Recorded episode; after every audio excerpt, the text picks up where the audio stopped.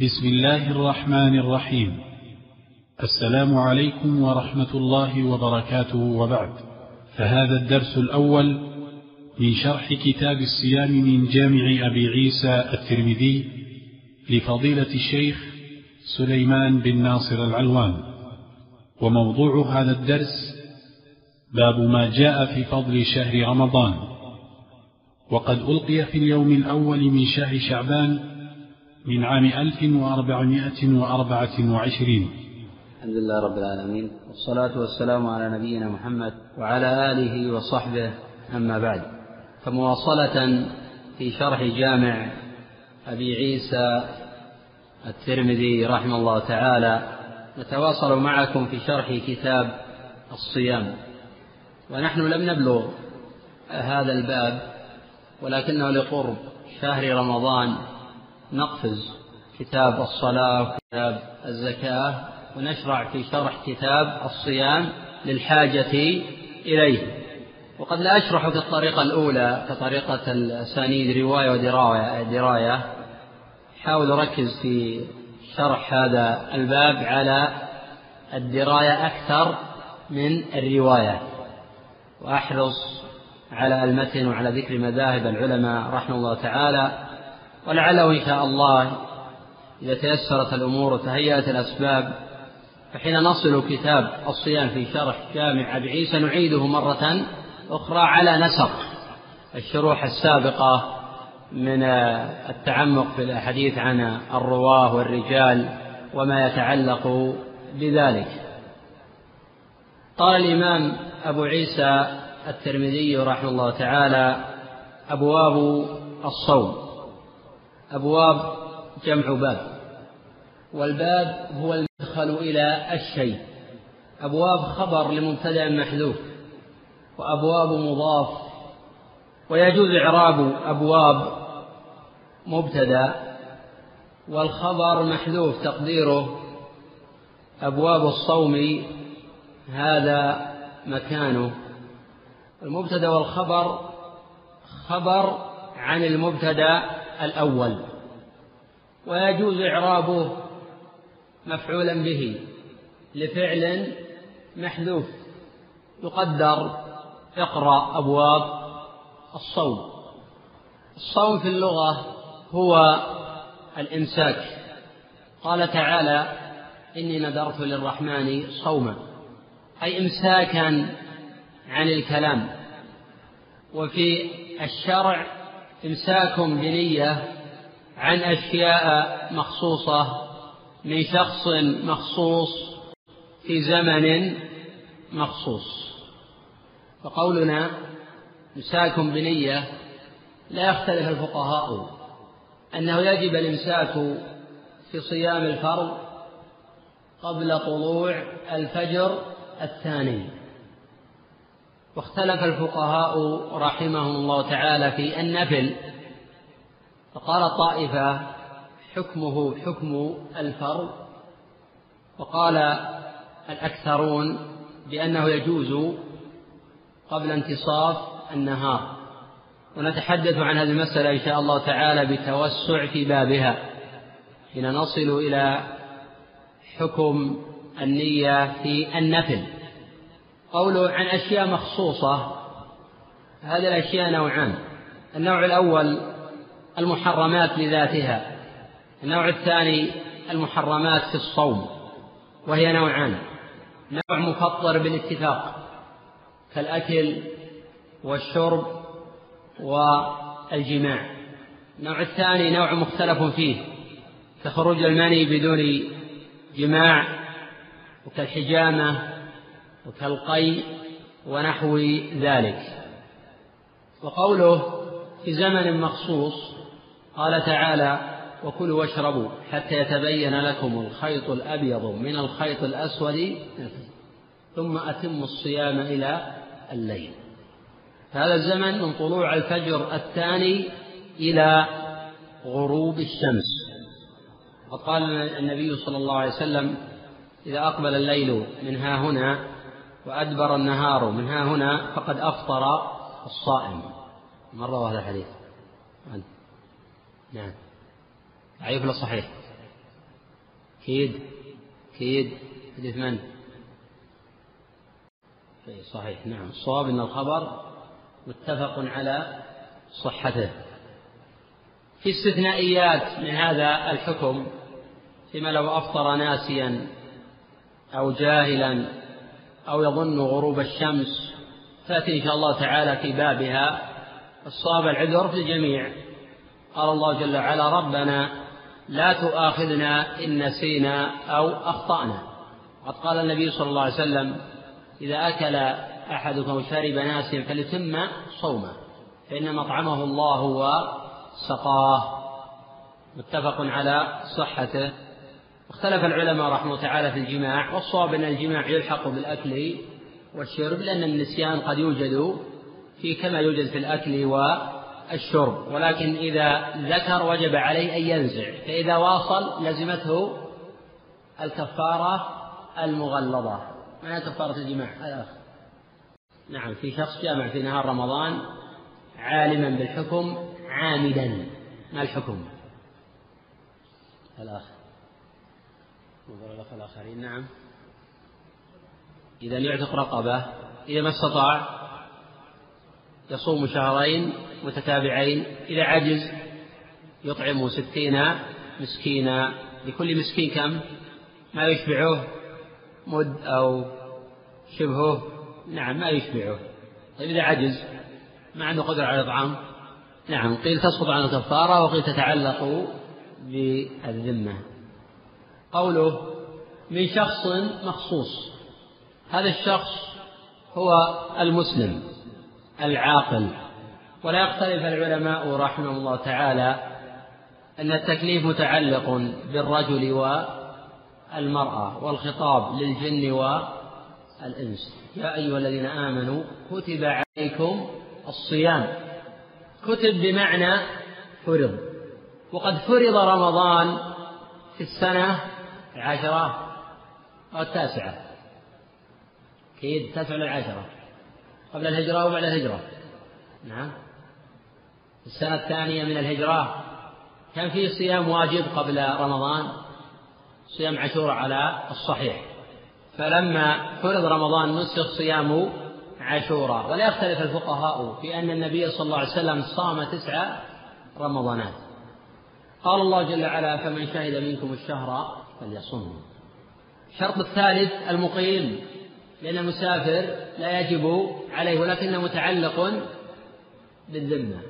الشرط الرابع للمرأة الطهارة يصلح من الحائض أن تصوم؟ خلاص طيب لو صامت نقول مطيعة ولا عاصية؟ قالت الله أسقط عني الصوم لكن أريد أن أصوم. نعم. أرفع صوتك. ما أسمعك. يعني تعتم المرأة. المرأة قالت إن الله جل وعلا أسقط عن الحائض الصوم بمعنى لا يجب عليها. لكن أنا أريد أن أصوم وأشارك المسلمين في صيامهم. وهي حائض هل يصح من الصوم؟ تقول لا يصح من الصوم ولا يجزي عن الفرض. لكن هل يجوز هذا الفعل نعم محمد. نعم. نعم لأن ابتداع في الدين. نعم واحداث في الدين ما ليس منه هذا بلا شك. مسألة. بلغت المرأة بالحيض في أول شهر رمضان فطهرت في اليوم السابع. لا يختلف العلماء أنها تواصل الصوم ولكن هل يجب عليها قضاء ما حاضت فيه أم لا؟ سؤال موجه للجميع من يجيب؟ انظر الأخوة. الأخ. ما هو الدليل؟ نعم. الأخ يقول يجب عليها القضاء صحيح كلامه؟ طيب ما بلغت؟ ما طهرت إلا بعد السابع. وكان بلوغها من أول يوم من رمضان. باعتبار الحيض هل تقضي هذه الأيام أم لا؟ ما تقضي تقضي. نعم وفي إجماع في المسألة محمد؟ نعم حكي في ذلك إجماع حكي في ذلك الإجماع. بدليل حديث عائشة في الصحيحين وعموم الأدلة الحقيقة هي بلغت ووجود مانع نعم كما أن الرجل إذا أسلم ثم مرض كافر أسلم في أول يوم من رمضان. هو مكلف لكن لما مرض يعفى عنه بالفطر. شوف من مرض بعد عشرة أيام. ألا يقضي عشرة بالاتفاق يقضي هذه العشرة. لماذا تؤمر الحائض بقضاء الصوم ولا تؤمر بقضاء الصلاة؟ خلاص. نعم. لماذا تؤمر؟ الحكمة من هذا طبعا الحكمة اجتهادية ليست نصية. يمكن يكون في نص في هذا الموضوع. تقول عائشة هكذا أمرنا. الخبر الصحيح لا إشكال فيه. لكن الفقهاء دائما يلتمسون العلة في الشيء. قد يصيبون وقد لا يصيبون. ولكن هنا التمس كثير من العلماء الحكمة. نعم. نعم. هو لا إشكال فيه لكن لماذا تؤمر بقضاء الصوم ولا تؤمر بقضاء الصلاة؟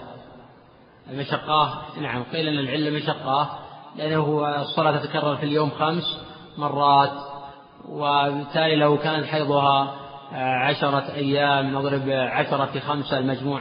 خمسون صلاة فيه مشقة بخلاف الصوم. فإنه لا يجب في العام إلا شهر وواحد. فبالتالي لا يشق قضاء سبعة أيام من كل آه، ثلاثمائة وستين يوما. قوله باب ما جاء في فضل شهر رمضان. باب يعرب بنحو ما تقدم. هذا باب. ما جاء أي من الأحاديث الصحاح في فضل شهر رمضان. الشهر مأخوذ من الشهرة ورمضان سمي بهذا الاسم لماذا؟ لماذا يقال رمضان؟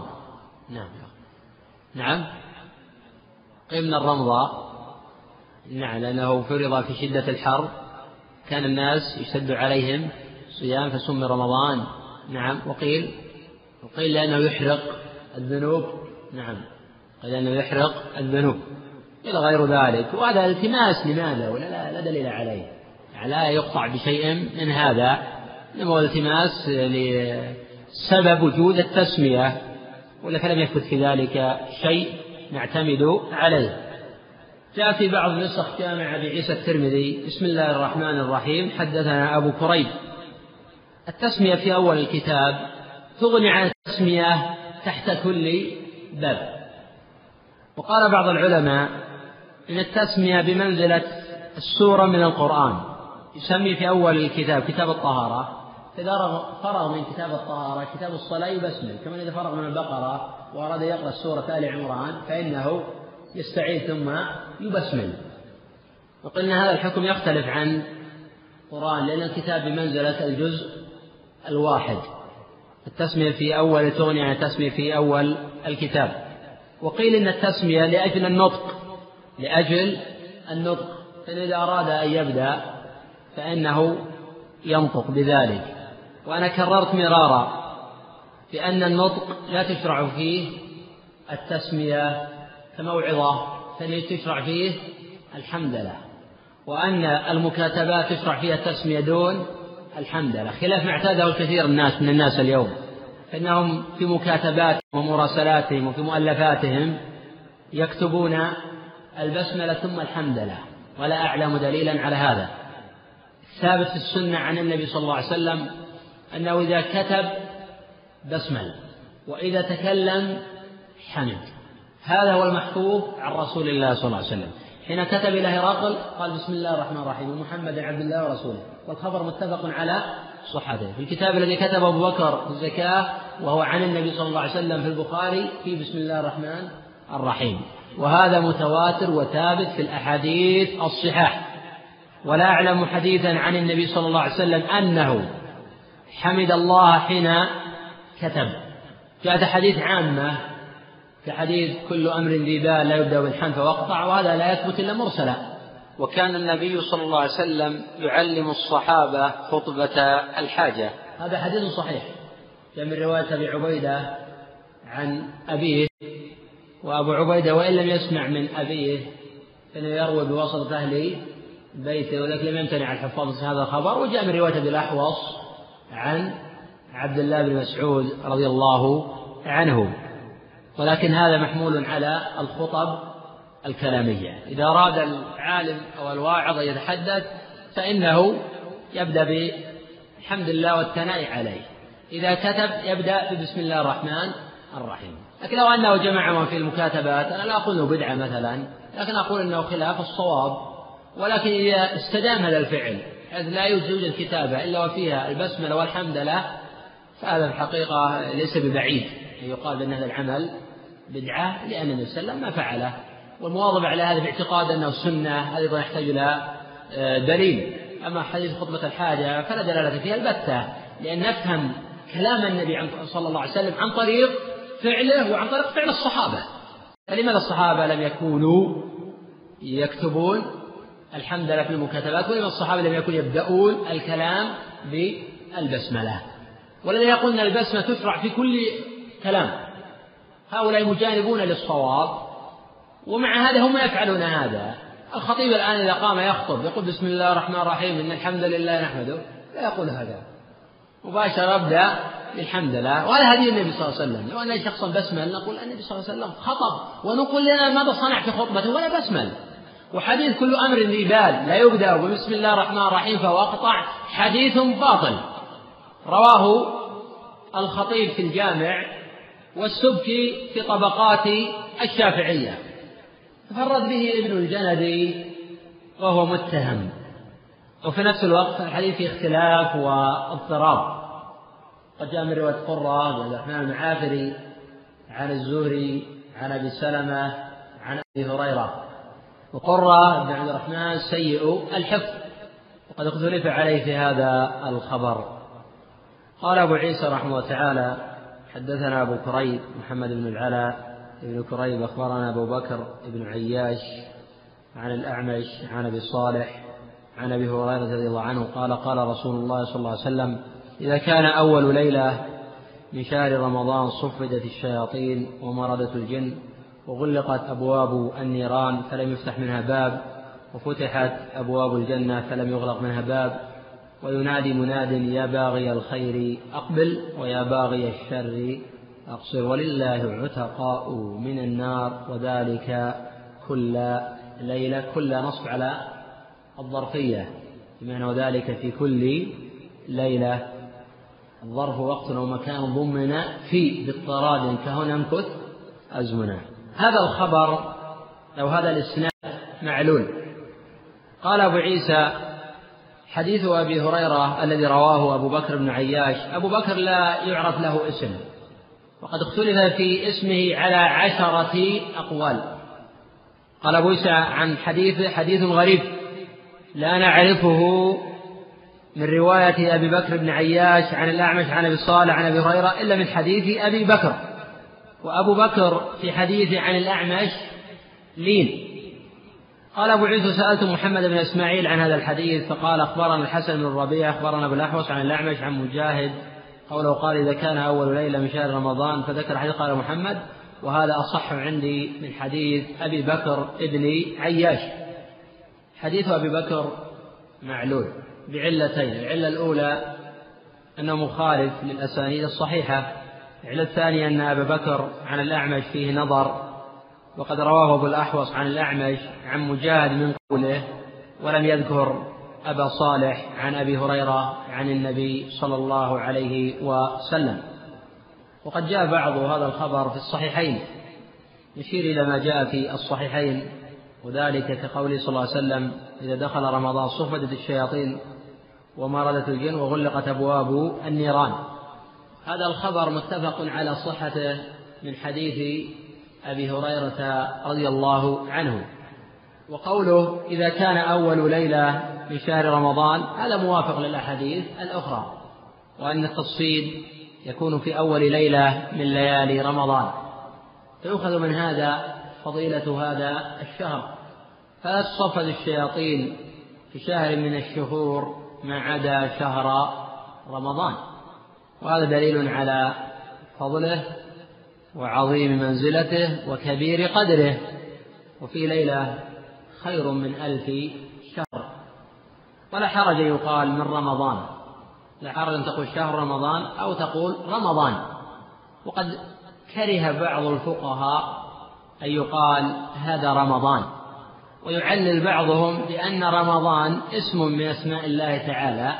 ويذكرون في ذلك خبرا. وهذا باطل من وجوه. الوجه الأول. أن رمضان ليس اسما من أسماء الله. الأمر الثاني أن الحديث الوارد موضوع. الأمر الثالث جاءت الأحاديث الصحيحة مصرحة بالجواز. الأمر الرابع أن هذا ينسحب على كل الشهور. كما يقال هذا رجب هذا شعبان.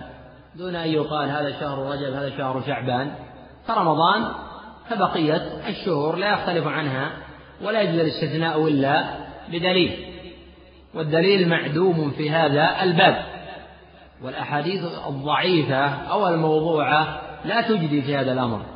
الأحكام التكليفية خمسة ولا يجدي فيها إلا الخبر الصحيح. عبد الملك ما هي الأحكام التكليفية؟ الواجب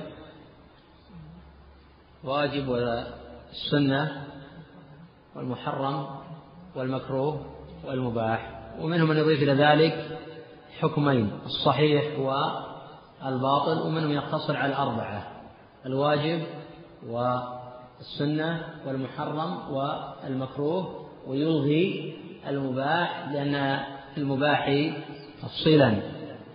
قوله صفدت الشياطين ومردة الجن.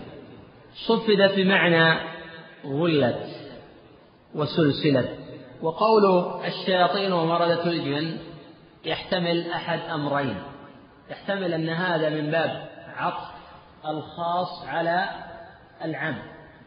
فالعام الشياطين والخاص المردة ويحتمل أنه عطف تفسير وبيان كالتوضيح والتتميم للحكم. فحين يقال بأن التفصيل يقع للمردة فهذا هو السر في وجود ووقوع الذنوب من العباد في شهر رمضان لأن بقية الشياطين لم تصفد وحين يقال بأن التصفيد للجنس لجنس الشيطان وليس للمردة فحسب فما هو السر إذا في وقوع؟ أو ما هو السبب في وقوع كثير من العباد في الذنوب؟ السر في هذا أمور. الأمر الأول أن الذنوب تقع بسبب النفس الأمارة بالسوء. تقع بسبب شياطين الجن الذين هم أخبث من شياطين أو تقع بسبب شياطين الإنس الذين أخبث من شياطين الجن. تقع بغير ذلك. ولكن بالاعتبار أن الذنوب في رمضان أقل منها في غير رمضان. ونحن نلحظ أن طوائف من البشر ممن قد لا يرتدون أبواب المساجد لا في رمضان ولا في غيره لا يتخلفون عن الصيام. فهم يصومون. ويبادرون إلى الصوم. وعلى كل نحن نأخذ بالنص والحديث الصحيحين لأن الشياطين تصفد وتغلق أبواب النيران وتفتح أبواب الجنان. ونحن نرى أن الذنوب تقل في رمضان أقل منها في بقية الشهور سواء كان التصفيد للمردة أو كان التصفيد لجنس الشياطين. فإن الذنوب تقع بسبب النفس الأمارة بالسوء بسبب الشياطين الإنس. قوله ومردة الجن المرد المارد هو المتجرد للشر. المارد المتجرد للشر. ولا تقال للرجل الأمرد لتجرده من الشعر. وفي معنى قول الله جل وعلا وأن منا المسلمون ومنا القاسطون ففي الجن مسلمون وفيهم كفرة كالإنس. لذلك جاء في الحديث صفدت الشياطين ومردته الجن. على التغاير لأن الشياطين مغايرة للجن وأن الشيطان لا يكون لا كافرا وأن الجن فيهم الصالح وفيهم الطالح فيصفد حينئذ ويغل هو المارد دون غيره. قوله وغلقت أبواب النيران فلم يفتح منها باب. فيه أن النار مخلوقة وهذا متفق عليه بين أهل السنة. خالف في ذلك طوائف من أهل البدع الذين من أهل البدع الذين يقولون بأن النار لم تخلق بعد.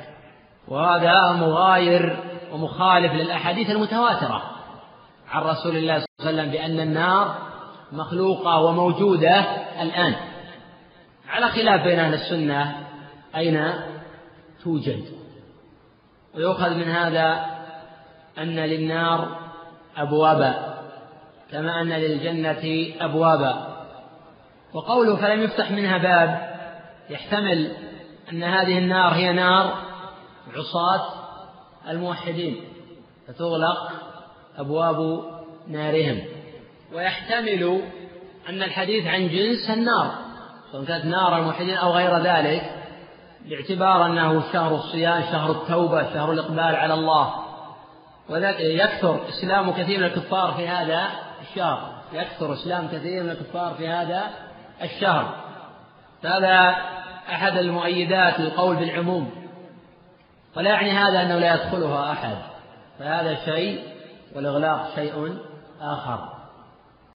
وفيه معنى قوله صلى الله عليه وسلم فيما يروي عن ربه والحديث متفق عليه. إن رحمتي سبقت غضبي. وفيه سعة فضل الله. قوله وفتحت أبواب الجنة فلم يغلق منها باب في أن الجنة مخلوقة وهي موجودة وفي أن للجنة أبوابا. كم عدد أبواب الجنة وكم عدد أبواب النار؟ أبواب النار نص القرآن. ما أدري. القرآن هذا القرآن. كم عدد أبواب النار؟ جاء في القرآن وفي السنة جاءت عدد أبواب الجنة. وجاء في الكتاب والسنة أيضا أن للجنة أبوابا وأن للنار أبوابا. نعم. الآية؟ نعم. لها سبعة لكل باب منهم. مقصود. وأبواب الجنة ثمانية. لحديث يدخل أيها شاب فتحت له أبواب الجنة ثمانية. حديث عمر في صحيح الإمام مسلم. قوله فلم يغلق منها باب وينادي مناد يا باغي الخير أقبل. يحتمل أن المنادي هو ملك ويحتمل أن هذا يلقى في قلوب بعض العباد ممن أراد الله له التوفيق والهداية. فعلى القول الأول لا يلزم من ذاك سماع هذا الأمر. وعلى القول الثاني فإن الناس يحسون من نفوسهم إقبالا على الخير في رمضان إقبالا على الصلاة إقبالا على الصدقة إقبالا على التقوى بعدا عن كثير من المحرمات. قوله ويا باغي الشر أقصر. يا باغي أي يا طالب أي يا طالب الشر أي الإثم. سواء كان كبيرة أم صغيرة أقصر بفتح الهمزة أي أمسك عن المعاصي. وارجع إلى الله. فإن الله يتوب على من تاب. والله جل وعلا يمهل ولا يهمل. قال تعالى وكذلك أخذ ربك إذا أخذ القرى وهي ظالمة. إن أخذه أليم شديد. إن في ذلك لآية لمن خاف عذاب الآخرة. ذلك يوم مجموع له الناس وذلك يوم مشهود. وما نؤخره إلا لأجل معدود. قوله ولله عتقاء من النار وذلك كل ليلة. لله جار ومجرور. عتقاء مبتدا مؤخر. والحديث إشارة إلى أن العتقاء كثيرون. فيجب البحث عن أسباب العتق وعن البعد أو الأمور الموجبة لدخول النار.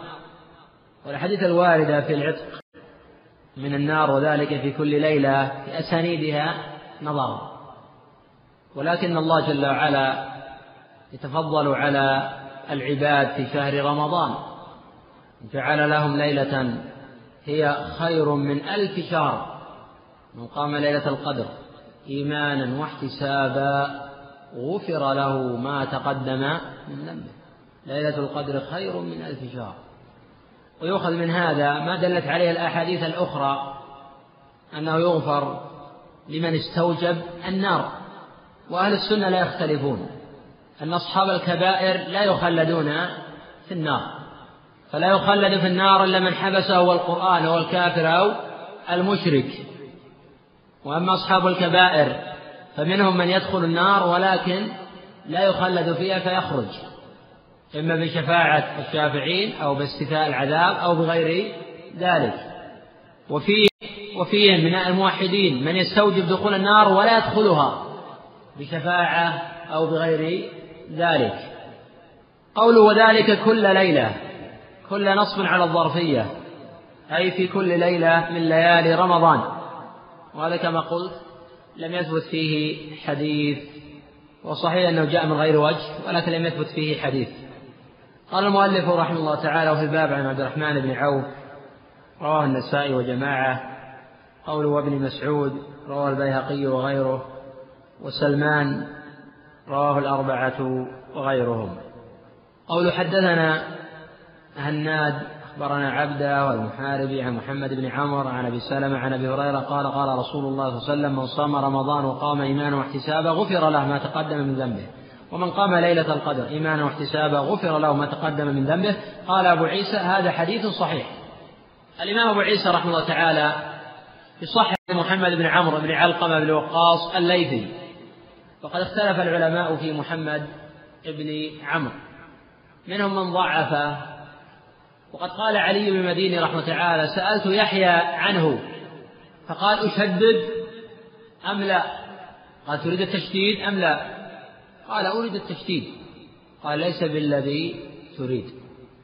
وقال الإمام يحيى بن معين رحمه الله تعالى كان الناس يتقون حديثه وفي رواية عن النسائي أنه ثقة. وصحح له جمع من الحفاظ. والصواب في محمد بن عمرو. وأنا تحدثت عنه بتوسع في كتاب الطهارة. بأنه صدوق.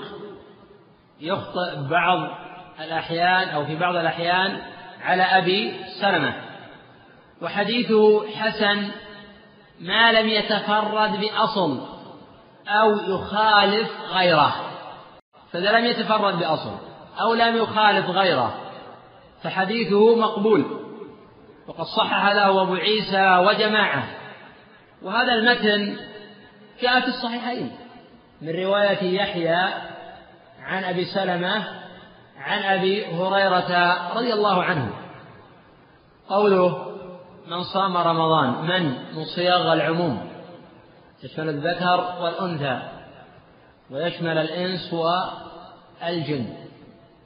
وقد جزم جماعة من الأصوليين بأن من هي أبلغ صيغة من صيغ العموم. ومنهم من قال بأن كل أبلغ من من خلاف معروف بين الأصوليين. لكن الذي يهمنا الآن أن من من أبلغ صيغ العموم. من صام رمضان؟ صام رمضان أي الصيام الشرعي. في زمن مخصوص وصام عن أشياء مخصوصة. وفي أشياء يجب اجتنابها في رمضان وفي غيره. ولكن يتأكد اجتنابه في رمضان أكثر من غيره كالغيبة والنميمة ونحو ذلك. حين قيل للإمام أحمد رحمه الله تعالى أتفطر الغيبة؟ قال لو كانت تفطر لم تجدنا الصائمين. قال ذلك رحمه تعالى تواضعا. قد عرف عنه رحمه تعالى حفظ اللسان. كان أئمة السلف يجلسون في المساجد ويقول نحفظ صيامنا ويسلم الناس من شرنا. ولكن في من قال بأن الغيبة تفطر. في من قال بأن الغيبة تفطر. وأن من اغتاب أحدا في رمضان يقضي يوما مكانه. وقد قال بعض الفقهاء معللا الأكل والشرب يفطر الصائم والغيبة ما تفطره. وهذا قياس في نظر.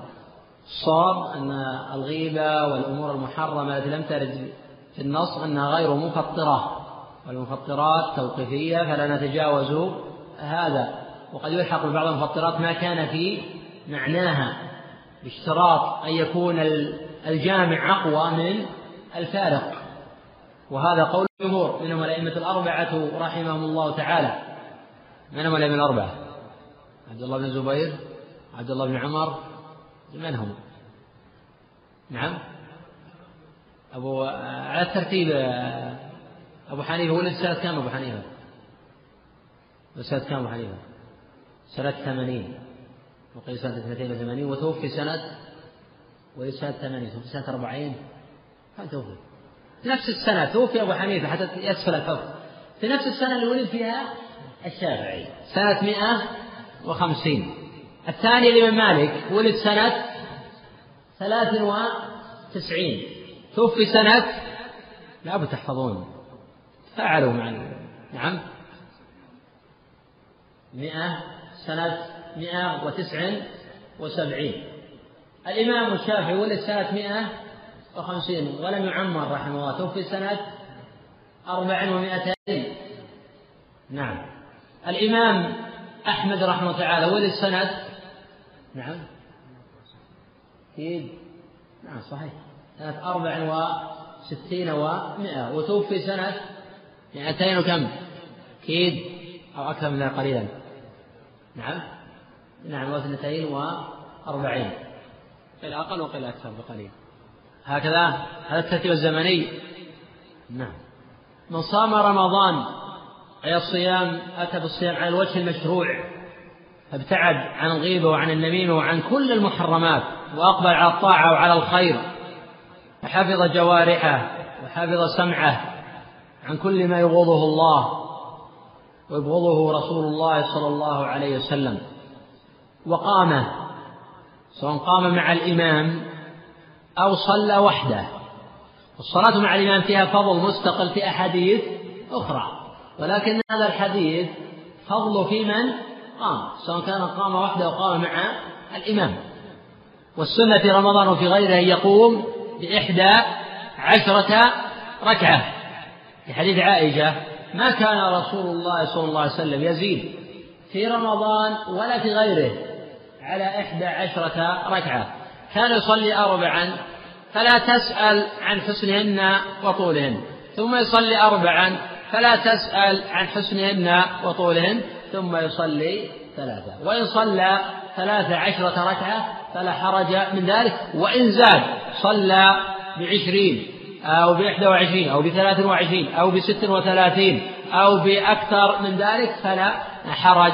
فالاختلاف اختلاف أفضلية وليس اختلاف آه، تحليل أو آه، تحريم. وقد حكى ابن عبد البر رحمه تعالى في الاستذكار الإجماع على جواز كل هذه آه، الأمور وحكى غير واحد أيضا ولكن الأفضل هو ما ثابر عليه النبي صلى الله عليه وسلم وثابر عليه الصحابة من بعده وذلك بالاقتصار على إحدى عشرة ركعة. دليل الجواز آه، أن النبي صلى الله عليه وسلم قال صلاة الليل مثنى مثنى فإذا خفت الصبح فأوتر بواحد. هذا أعرابي ما يعرف المطلق من المقيد ولا يفهم الأحاديث الواردة الأخرى ولو كان يعرفها ويفهمها ما سأل.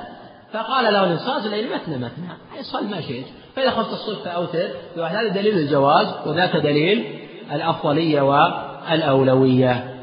ونتحدث عن هذا إن شاء الله تعالى في بابه. ولكن هذا إشارة إلى قول المؤلف آه، على قوله صلى الله عليه وسلم من صام رمضان وقامه إيمانا. الإيمان في اللغة ما هو؟ هو التصديق. قال الله جل وعلا وما أنت بمؤمن لنا. أي بمصدق لنا. ولكن في الشرع هو قول وعمل. قول القلب واللسان وعمل القلب. واللسان والجوارح وقام رمضان إيمانا بكل ما تحمله هذه الكلمة من الإيمان من التصديق وطلب الاحتساب والإيمان بالله وملائكته وكتبه ورسله والإيمان بهذا الثواب وهذا الأجر. ومنهم من حمل هذا الخبر على إيمانا تصديقا واحتسابا أي بحثا عن الأجر وعن الثواب والقول بالعموم أولى حيث أن يطلب كل ما تحمله هذه الكلمة من معنى من معاني الإيمان وما يتطلبه هذا الصيام يتطلبه هذا القيام. واحتسابا في أن الإخلاص شرط للعمل. قال الله جل وعلا وما أمروا إلا ليعبدوا الله. مخلصين له الدين. الإخلاص هو إرادة وجه الله. ولا يجتمع حب الثناء والإخلاص في قلب عبد أبدا إلا كما يجتمع الحوت والضب والماء والنار. وقال تعالى ومن يفعل ذلك ابتغاء مرضات الله فسوف نؤتيه أجرا عظيما. الله جل وعلا يقبل العمل ما كان خالصا وابتغي به وجهه. أما الرياء فلا يقبل الله جل وعلا بل يتركه صاحبه. وفي صحيح مسلم حديث عن أبي عن أبي هريرة رضي الله عنه أن النبي صلى الله عليه وسلم قال قال الله تعالى أنا أغنى الشركاء عن الشرك. من عمل عملا أشرك معي فيه غيري تركته وشركه. قوله غفر له. هذا جواب الشرط فعل الشرط أين فعل الشرط ما اسم الشرط جائز تجد فعلين لو فعل الشرط ثاني جوابه وجزاؤه فعل الشرط صام وقام إيمانا واحتسابا. جواب الشرط غفر له المغفرة أي الستر حيث تكفر سيئاته ويستر عليه. غفر له ما تقدم من ذنبه. وفي رواية في المسند وما تأخر. وهذه الرواية شاذة. قال الإمامان ابن حزم وابن تيمية عليهما رحمة الله بأن المغفرة للصغائر والكبائر. وقال الجمهور بما فيه الأئمة الأربعة رواية واحدة عنهم لأن المغفرة للصغائر دون الكبائر. وقد سبق شرح الموضوع وذكر أدلة هؤلاء وأدلة هؤلاء. وقلت بأن قول الإمام ابن حزم وشيخ ابن تيمية قول قوي. وأن الأدلة تدل عليه كقوله صلى الله عليه وسلم من حج لله فلم يرفض ولم يفسق رجع كيوم ولدته أمه. معلوم أن الأم تلده وليس عليه شيء. فلا يقيد هذا بالصغائر دون الكبائر وأجبت عن حديث العل عن أبي هريرة أن النبي صلى الله عليه وسلم قال رمضان رمضان الجمعة الجمعة مكفرات لما بينهن ما لم تغشى الكبائر. تحدثت عن هذا الموضوع. ويؤخذ من هذا فضيلة الإخلاص سعة فضل الله جل وعلا وفي أن الأعمال سبب لدخول الجنة وفيها إثبات الجزاء والحساب وفي إثبات الجزاء الأخروي وفي البعث بعد الموت وفي غير ذلك من الفوائد. قوله ومن قام يعني اسم شرط جازم ومن صيغ العموم قام ليلة القدر لماذا سميت بليلة القدر. نعم.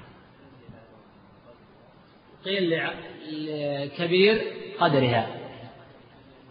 وقيل آية الدخان فيها يفرغ كل أمر حكيم وأن الله يقدر فيها قدار العباد. ومن قام ليلة القدر تقدم أن قيام رمضان كله مشروع كله فاضل. والإجماع منعقد على استحباب قيام الليل في كل ليلة. بل في من قال بأنه واجب على أهل القرآن. وفي من قال بأن الوتر واجب مطلقا كقول أبي حنيفة وطائفة من العلماء. إذا هم متفقون لا يختلفون في الاستحباب بل يختلفون في الإيجاب. وقيام الليل وصلاة الليل أفضل من صلاة النهار. وقد تقدم السنة القيام بإحدى عشرة ركعة وقيام آخر الليل أفضل من قيام أوله أو أوسطه لقول عائشة في الصحيحين واللفظ لمسلم من كل الليل قد أوتر رسول الله صلى الله عليه وسلم من أوله وأوسطه وآخره حتى انتهى وتره إلى السحر. فمن قام ليلة القدر إيمانا واحتسابا تقدم معنا قوله صلى الله عليه وسلم إيمانا واحتسابا قيل الإيمان هو التصديق أي مصدقا بوعد الله وثوابه وقيل بما تحمله كلمة الإيمان وما يتطلبه هذا الباب. واحتسابا طلبا للأجر والثواب لأن قد يقوم له حاجة. يعني لا يجد يطلب فلانا مالا من المال فلا يجده إلا إذا صلى معه. فصلى لأجل أن يأخذ الحق من غنيمة ولم يصلي إيمانا واحتسابا بحيث لو لم يرد هذا الحق؟ ما صلى. ولا في الليالي الأخرى ما كان يصلي. وإنما صلى في هذه الليلة بحثا عن ماله فمثل هذا يدخل في هذا الأجر وهذا الثواب وهذا آه الأجر الكبير. إلا اللهم إذا حين نوى إلى ابن غريب احتسب وطلب الأجر مثوبة من الله وإن قد يحصل على الأجر ولكن لا يكون بمنزلة من قام إيمانا واحتسابا حيث لا يريد لا جزاء ولا ولا شيئا من ذلك. أما الذين يصلون لحاجة أو لغرض أو غير ذلك فهؤلاء لا يدخلون في هذا الأجر وفي هذا الثواب. وفي فضيلة الإخلاص في فضيلة الإخلاص. والإنسان يحاسب نفسه وينظر في عمله لأن النية تتقلب على العبد كما قال بعض السلف. ما عالجت شيئا من أمري أشد علي من النية تتقلب علي. فنحن بحاجة إلى معالجة النية ومحاسبة النفس. وضرورة مراعاة الإخلاص والبعد عن الرياء. حق على الله لا يرتفع شيء من إلا وضعه الله. ومن أحب يذكر لا يذكر. ومن أخلص لله كان ذكره على لسان كل مؤمن. المهم أن نراعي الإخلاص وأن ننظر في طاعة الله جل وعلا. وأن نخلص له العبادة. وأن نعلم أن الله لا يقبل العمل لما كان خالصا وابتغي به وجهه. والله جل وعلا يقول ليبلوكم أيكم أحسن عملا ولم يقل أكثر عملا. نحن نعرف أن الخوارج أكثر من الصحابة أعمالا. في نص قوله صلى الله عليه وسلم تحقرون صلاتكم مع صلاتهم وصيامكم مع صيامهم وهذا متواتر عن رسول الله صلى الله عليه وسلم. عشرة أحاديث في الصحيحين. ولكن قال أحسن عملا. الخالص و الخالص ما كان لو الصواب ما كان على سنة رسول الله صلى الله عليه وسلم. لأن العمل قد يكون خالصا وليس بصواب فلا يقبل. وقد يكون صوابا وليس بخالص فلا يقبل. قول غفر له ما تقدم من ذنبه. صواب أنه يشمل الصغائر والكبائر. وقال الجمهور منهم الأئمة الأربعة رحمه الله تعالى رواية واحدة عنهم لأن هذا للصغائر دون الكبائر. ومن يستدلون بحديث على عن أبي هريرة قوله صلى الله عليه وسلم جمعة جمع رمضان إلى رمضان مكفرات لما بينهن ما لم تغش الكبائر. ثم تحدث الإمام أبو عيسى رحمه تعالى عن حديث أبي بكر بن عياش وتقدم الحديث عنه. نقف على قول المؤلف رحمه تعالى باب ما جاء لا تتقدموا الشهر بصوم والله أعلم. في أسئلة الأخوة. نعم. والله الصواب أن تشمل إن الله يستر عليه ويغفر له. وغفر له فإن الله يستر عليه ويغفر له. وإن المغفرة تطلق في اللغة على مجرد الستر. تشمل المغفرة الستر والمغفرة. نعم. والله الأحاديث الواردة في أن النار ليس فيها أحد تصفد أبوابها. حملت على نار الموحدين. هذا قول طائفة من السلف يرون تخصيص نار الموحدين. الأحاديث الواردة في لفظ الفناء هي لنار الموحدين. أما نار الكفار فلا تفنى أبدا. التصفيد يفهم من هذا. ولكن تخصيص النص القطعي في هذا لا نثبته إلا إذا فهمنا هذا النص على الفهم السابق. نعم. يعني يطلب غريما. ولا كان يقصد الله الدار الآخرة. إنما لأن أجل الغريم إن هذا لا يدخل في الحديث. لا يدخل إلا إذا قصد يعني الله الدار الآخرة وقصد أيضا طلب الغريم. أما إذا كان لا يريد إلا الغريم ومن قبل ما كان يصلي. لكن صلى هذه الليلة وقام لأجل الغريم. لا يجده إلا في هذه الليلة. فهو يتحرى هذا ما قام لا إيمانا ولا احتسابا. حتى من صلى عادة ولم يقصد الإيمان والاحتساب. أبدا سينوي الإيمان والاحتساب لكن ليس معنى هذا أن بعض الناس يعني يحاول يستحضر النية حتى يقع في الوسوسة. بالقصد النية القصد. والنية محلها القلب والتلفظ بالنية بدعة. والله أعلم. نكتفي بهذا. صلى الله وسلم على نبينا محمد. بسم الله الرحمن الرحيم. السلام عليكم ورحمة الله وبركاته وبعد. فهذا الدرس الثاني من شرح كتاب الصيام من جامع أبي عيسى الترمذي لفضيلة الشيخ سليمان بن ناصر العلوان.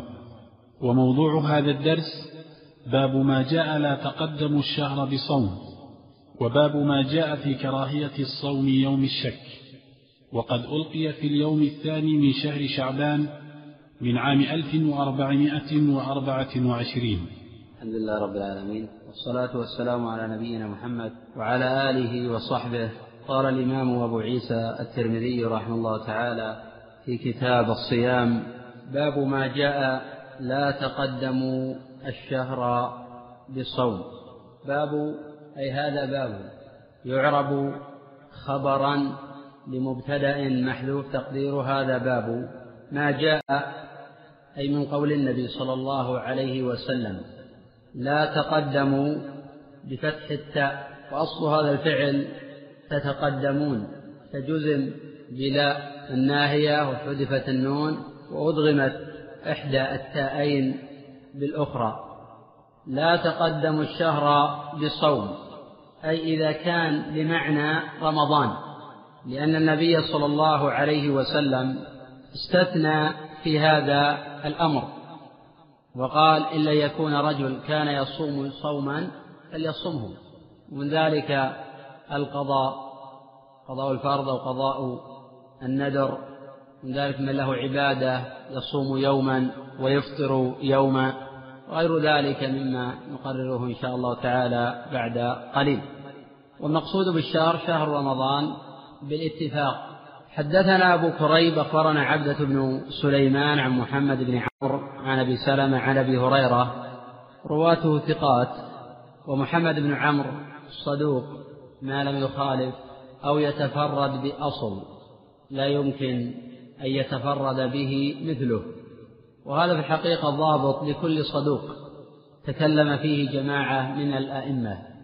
قدم بالأمس قول يحيى كان الناس يتقون حديثه وقول يحيى بن سعيد لعلي بن المديني حين سأله عنه وقال تريد التشديد؟ فأجاب بنعم قال ليس هو ممن تريد.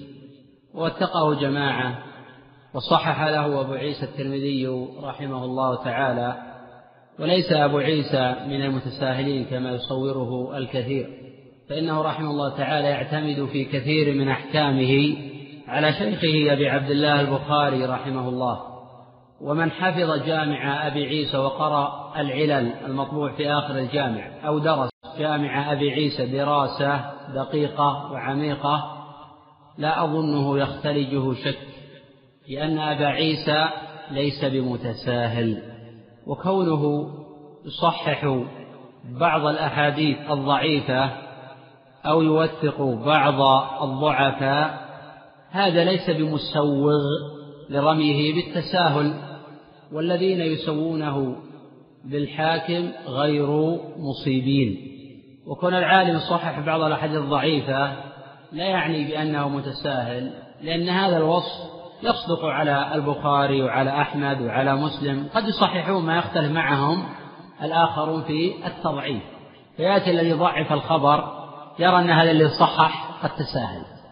وفي نفس الوقت الذين يصححون يرون أن الذي ضعف متشدد.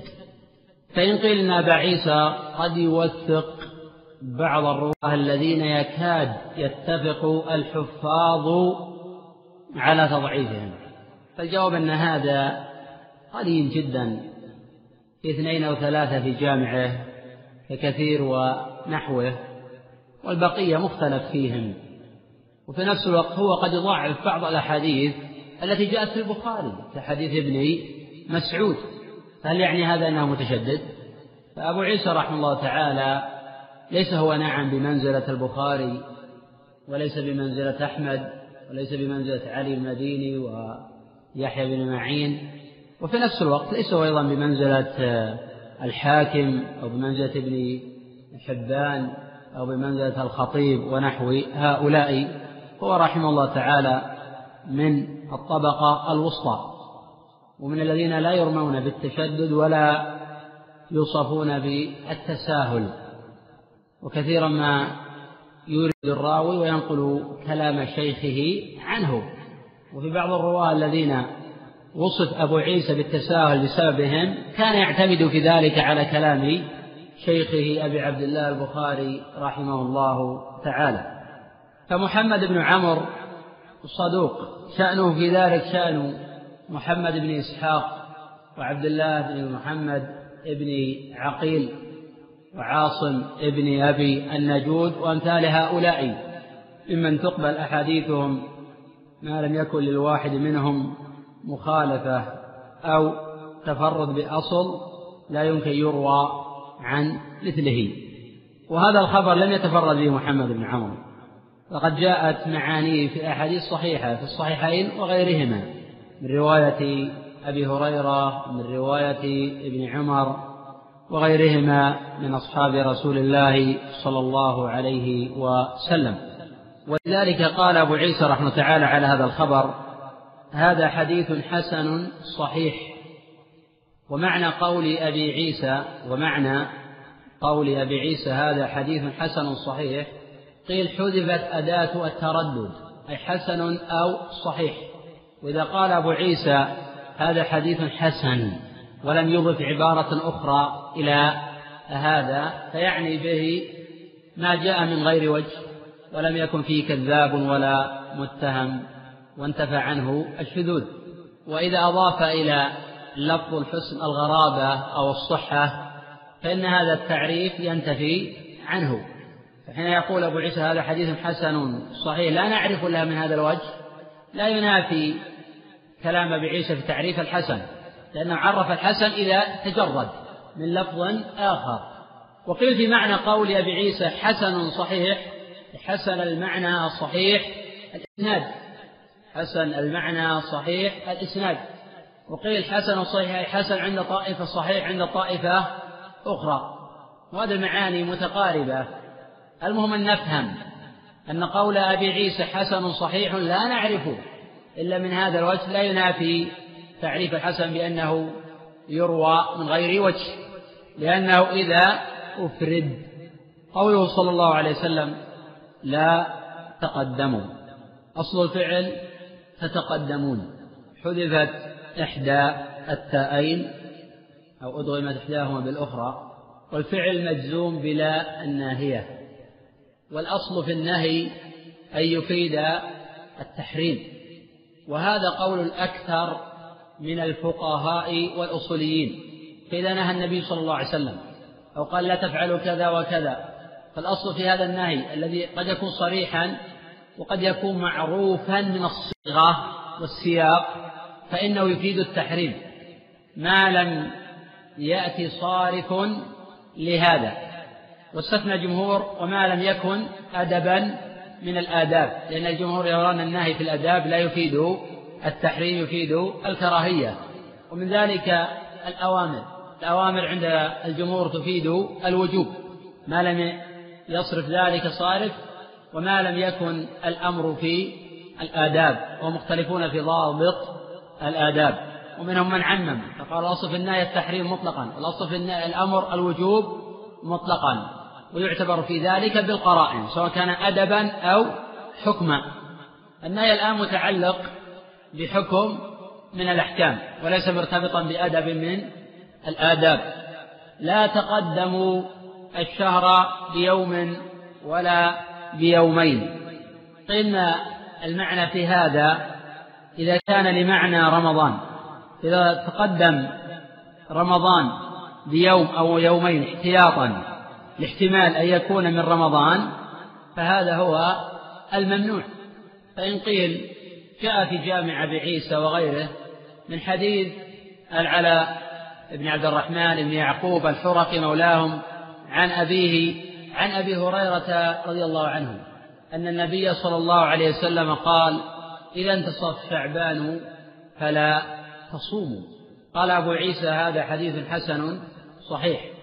وقد صححه جماعة أبو داود وغيره. الجواب عن هذا الخبر منهم من حمل إذا انتصف شعبان فلا تصوموا إذا كان بقصد الاحتياط لرمضان. وهو الذي ذكره الإمام أبو عيسى رحمه تعالى حول هذا الخبر حين قال لمعنى رمضان وأما إذا أراد يستكثر من الصيام في شعبان أو أراد يصوم يوما ويفطر يوما فلم ينهى عن ذلك أحد. ومنهم من قال بأن هذا الخبر منكر.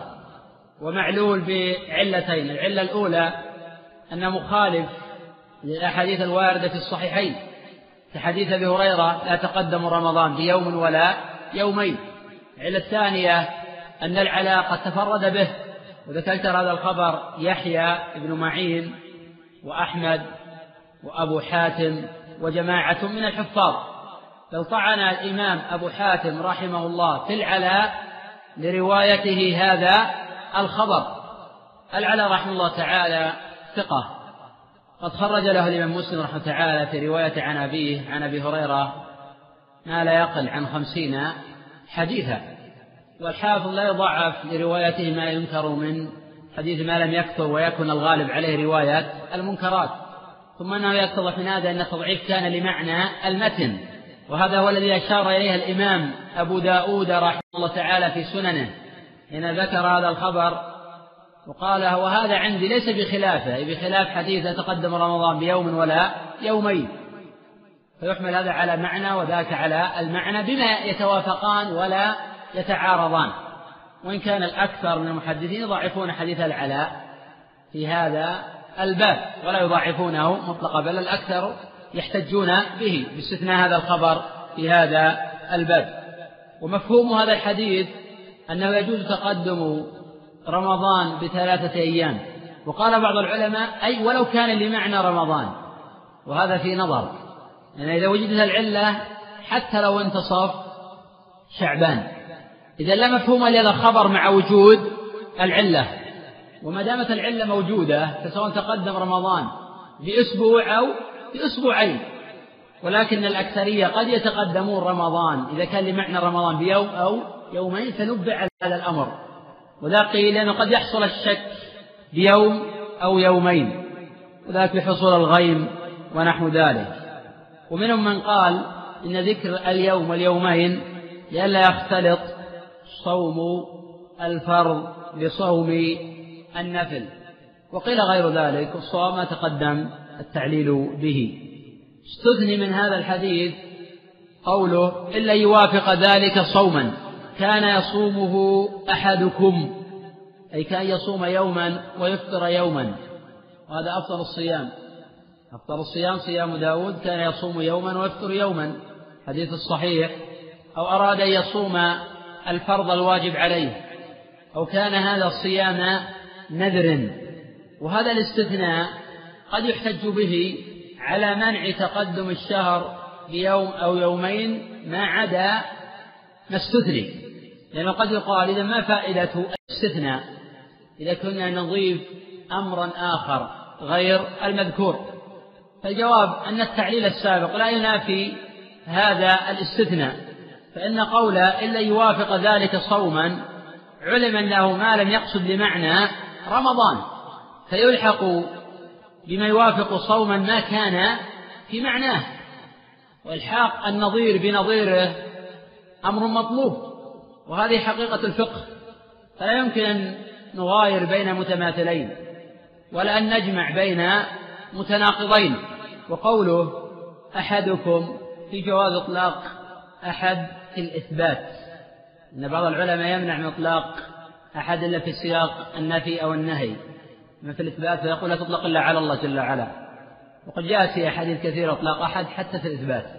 وإن كان قد يجيب المعارض لأنه إلا إذا دلت قرينة هنا دلت قرينة وذلك في قوله كان يصومه أحدكم. فهؤلاء يمنعون أن تقول في البيت أحد في البيت أحد. ولكن لا يمنع أن تقول ليس في البيت أحد لأنه في سياق النفي. فهم يفرقون بين الإثبات وبين النفي. قد قال صلى الله عليه وسلم إلا أحد لا يجد النعلين فليلبس الخفين قال إلا أحد. هذا في الإثبات. قوله صوموا لرؤيته وأفطروا لرؤيته. صوموا لرؤيته أي لأجل رؤية الهلال. اللام في قول لرؤيته للتعليل. وأفطروا لرؤيته أي لأجل رؤية الهلال. اللام للتعليل. ففي أن المعتبر في دخول الشهر وخروجه هو الرؤية. وهذا قول الجمهور. فلا يعتبر في ذلك غير الرؤية. وجزم بذلك الأئمة الأربعة رحمهم الله. على خلاف بينهم في تقدير الشهود في دخول الشهر وفي خروجه. فهم يتفقون في وجوب تحديد الرؤية ويختلفون في عدد الشهود الذين تثبت به تثبت بهم الرؤية. فإذا حال دون منظر الرؤيا غيم أو غيره فهؤلاء يجيبون إكمال العدة ثلاثين يوما. وذلك لرواية مالك عن ابن دينار عن ابن عمر أن النبي صلى الله عليه وسلم قال فإن عليكم فأكملوا العدة ثلاثين وجاء نحوه في حديث أبي هريرة وكلاهما في صحيح الإمام البخاري رحمه الله تعالى. فهم بعض الأئمة من قوله صلى الله عليه وسلم صوموا لرؤيته أن كل بلد يستقل برؤيته وأن من رأى الهلال لزمه ولزم أهل بلده صيام ولا يلزم هذا أهل البلاد الأخرى. عكس هذا فهم آخرون بأن إذا رؤي في بلد وجب على كل المسلمين الصوم وهؤلاء كلهم يحتجون بحديث واحد. يقول صوم لرؤيته إن العبرة في الرؤيا. يقول إذا رأوا شخص لزم الآخر صوم سواء كان قريبا أو بعيدا وهو يقول أن الحكم يتعلق بأهل بلد. وهذه المسألة خلافية بين العلماء رحمهم الله تعالى وذلك على مذاهب. قال الإمام أحمد رحمه الله تعالى تكفي رؤية أهل بلد عن أهل البلاد الأخرى. وحكي عن بعض المالكية أنه يلزم. وأنكر هذا الإمام ابن عبد البر رحمه الله تعالى وحكى الإجماع على خلافه. ومنهم من قال لكل بلد رؤيته. وهذه رواية عن الإمام أحمد وهو مذهب الجمهور. وهذا المحفوظ عن ابن عباس حين قيل له ألا تعتد برؤية معاوية؟ قال لا. مع أن معاوية كان هو الإمام الأعظم آنذاك والخبر في صحيح مسلم. فلم يأخذ ابن عباس رضي الله عنه برؤية معاوية. فكان يعتبر أن لكل بلد رؤيته. وحكاه أبو عيسى عن أهل العلم ولم يحكي قولا غيره. ومنهم من قال إن الرؤية على حسب المطالع. وهذا مذهب الشافعية. وأهل الخبرة والمعرفة بمنازل القمر يعرفون هذا. وهذا الذي اختاره شيخ الإسلام ابن تيمية رحمه الله. إن قد يتحد المطلع ويختلف البلد. فلا وجه حينئذ لنقول لهؤلاء يجب عليكم الصوم وهؤلاء لا يجب عليكم الصوم. فالمطلع واحد. وكثير من العلماء ينادون في هذا العصر بتوحيد الرؤية لأجل الانضباط ولأن الناس الآن منهم من يصوم في هذا اليوم من يصوم في الغد ومنهم يصوم في اليوم الثالث. فإذا رؤي في بلد فإن من جمع كلمة المسلمين وتوحيد صفوفهم أنهم يصومون معا ولا سيما أنه قد قال بهذا جماعة من الأئمة المتقدمين بل منهم من قال يجب وهذا مأثور عن بعض المالكية. أما الإمام أحمد رحمه الله فقال أن الرؤية تكفي. فلم يجبه ولكنه مذهب عنده. ومنهم من أنكر هذا القول وأن لكل بلد رؤيته. وحيث اختلفت الآن البلاد ولكل بلد أميره المسؤول عنه فإن الأحكام تتعلق بدون غيره. وأيضا في إشكالية أن البلاد قد تتحد مطالعها تختلف رئاستها فكيف نربط الحكم بالرئاسة؟ وهذا في نظر أيضا. ومنهم من قال يجب توحيد الرؤية بشرط أن يكون للمسلمين إمام أعظم فإنه الذي يستطيع أن يوحد الرؤية ولأن أمره هو النافذ. ولا سيما في مثل هذه المسائل الاجتهادية وليست قطعية ولا نصية. أريد أن ننبه أولا أن هذه المسألة من مسائل الاجتهاد فلا تثريب على من خالف في شيء من هذه الأقوال فلم يكن أو فلم يزل أئمة السلف. يقولون فيما يعرضون من مسائل الاجتهاد كلامنا الصواب يحتمل الخطأ وكلام غيرنا خطأ يحتمل الصواب. الأمر الآخر أن توحيد الرؤيا قد يكون متعذرا في هذا الوقت لأن كل بلد يريد أن تكون رؤيته هي المعتبرة وحينئذ قد يتعذر. لأن لا يمكن أن نحيل الرؤية إلى من يرون الحساب ولا يرون الرؤيا. في طائفة يعتمدون على الحساب ما يعتمدون على الرؤيا فكل منا قد لا يرضى أن تحال الرؤيا إلى الحساب وتعزل الرؤيا جملة وتفصيلا. فلذلك القول برؤية المطالع أو باعتبار الرؤيا بالمطالع هو قول قوي لأن هذا معروف لمن عنده معرفة ودراية بمنازل القمر وبويادة الهلال وما يتعلق به من الأمور الفلكية. إذا كان هذا البلد قريبا من هذا المطلع فإنه يعتبر البلد الآخر الذي يعتبر أو رأى الهلال. ولكن لو أن الناس كانوا متفقين على رؤية واحدة لم يكن في ذلك مخالفة للأدلة الشرعية إذا وجد إلى ذلك سبيل. وفي قوله فإن غم عليكم فعدوا ثلاثين ثم أفطروا أخذ من هذه الرواية الجمهور إبطال الحساب وأن الحساب باطل جملة وتفصيلا. ومنهم من شدد في أمر الحساب وجعلوه ضربا من التقول على الله بلا علم ومنهم من غلا فيه فجعله نوعا من أنواع الشعوذة والكهانة ونحو ذلك. صحيح أن الحساب الفلكي ليس من الكهانة في شيء وليس من الشعوذة في شيء. هي أمور معروفة بالدراسة والفهم والمعرفة تبنى أيضا على التجارب وغير ذلك مما هو معروف عند أصحاب الخبرة. ولكن الحديث يفيد أن الاعتبار بالرؤية لا بالحساب. لأن النبي صلى الله عليه وسلم قال فإن غم عليكم حال دون رؤية الهلال غيم فعدوا ثلاثين ثم أفطروا. ففي تحريم صوم يوم الشك وفي أن العبرة بالرؤية لا بالحساب. وقال جماعة من العلماء وهذا الحكم لا يختص بشعبان بل هو عام في كل الشهور إذا يجب التحري في كل الشهور. فإذا لم يرى الهلال ليلة الثلاثين فإنه يكون اليوم الذي يليه تابع الشهر الذي قبله وكذلك في رمضان.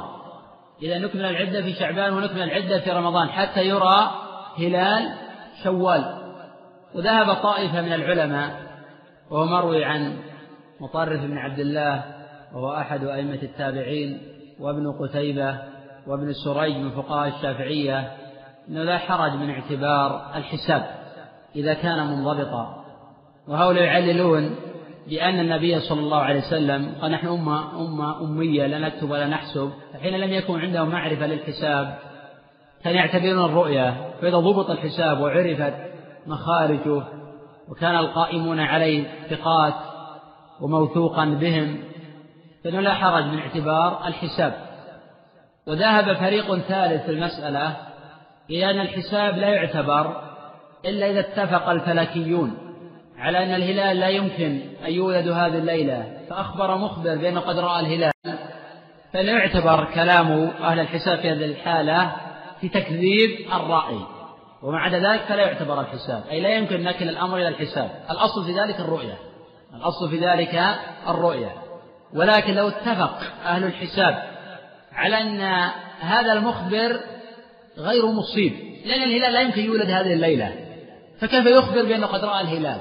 فنعتبر قولهم قرينة على تكذيب الراعي وفي غير هذا لا نعتبر كلام أهل الحساب في هذه المسائل.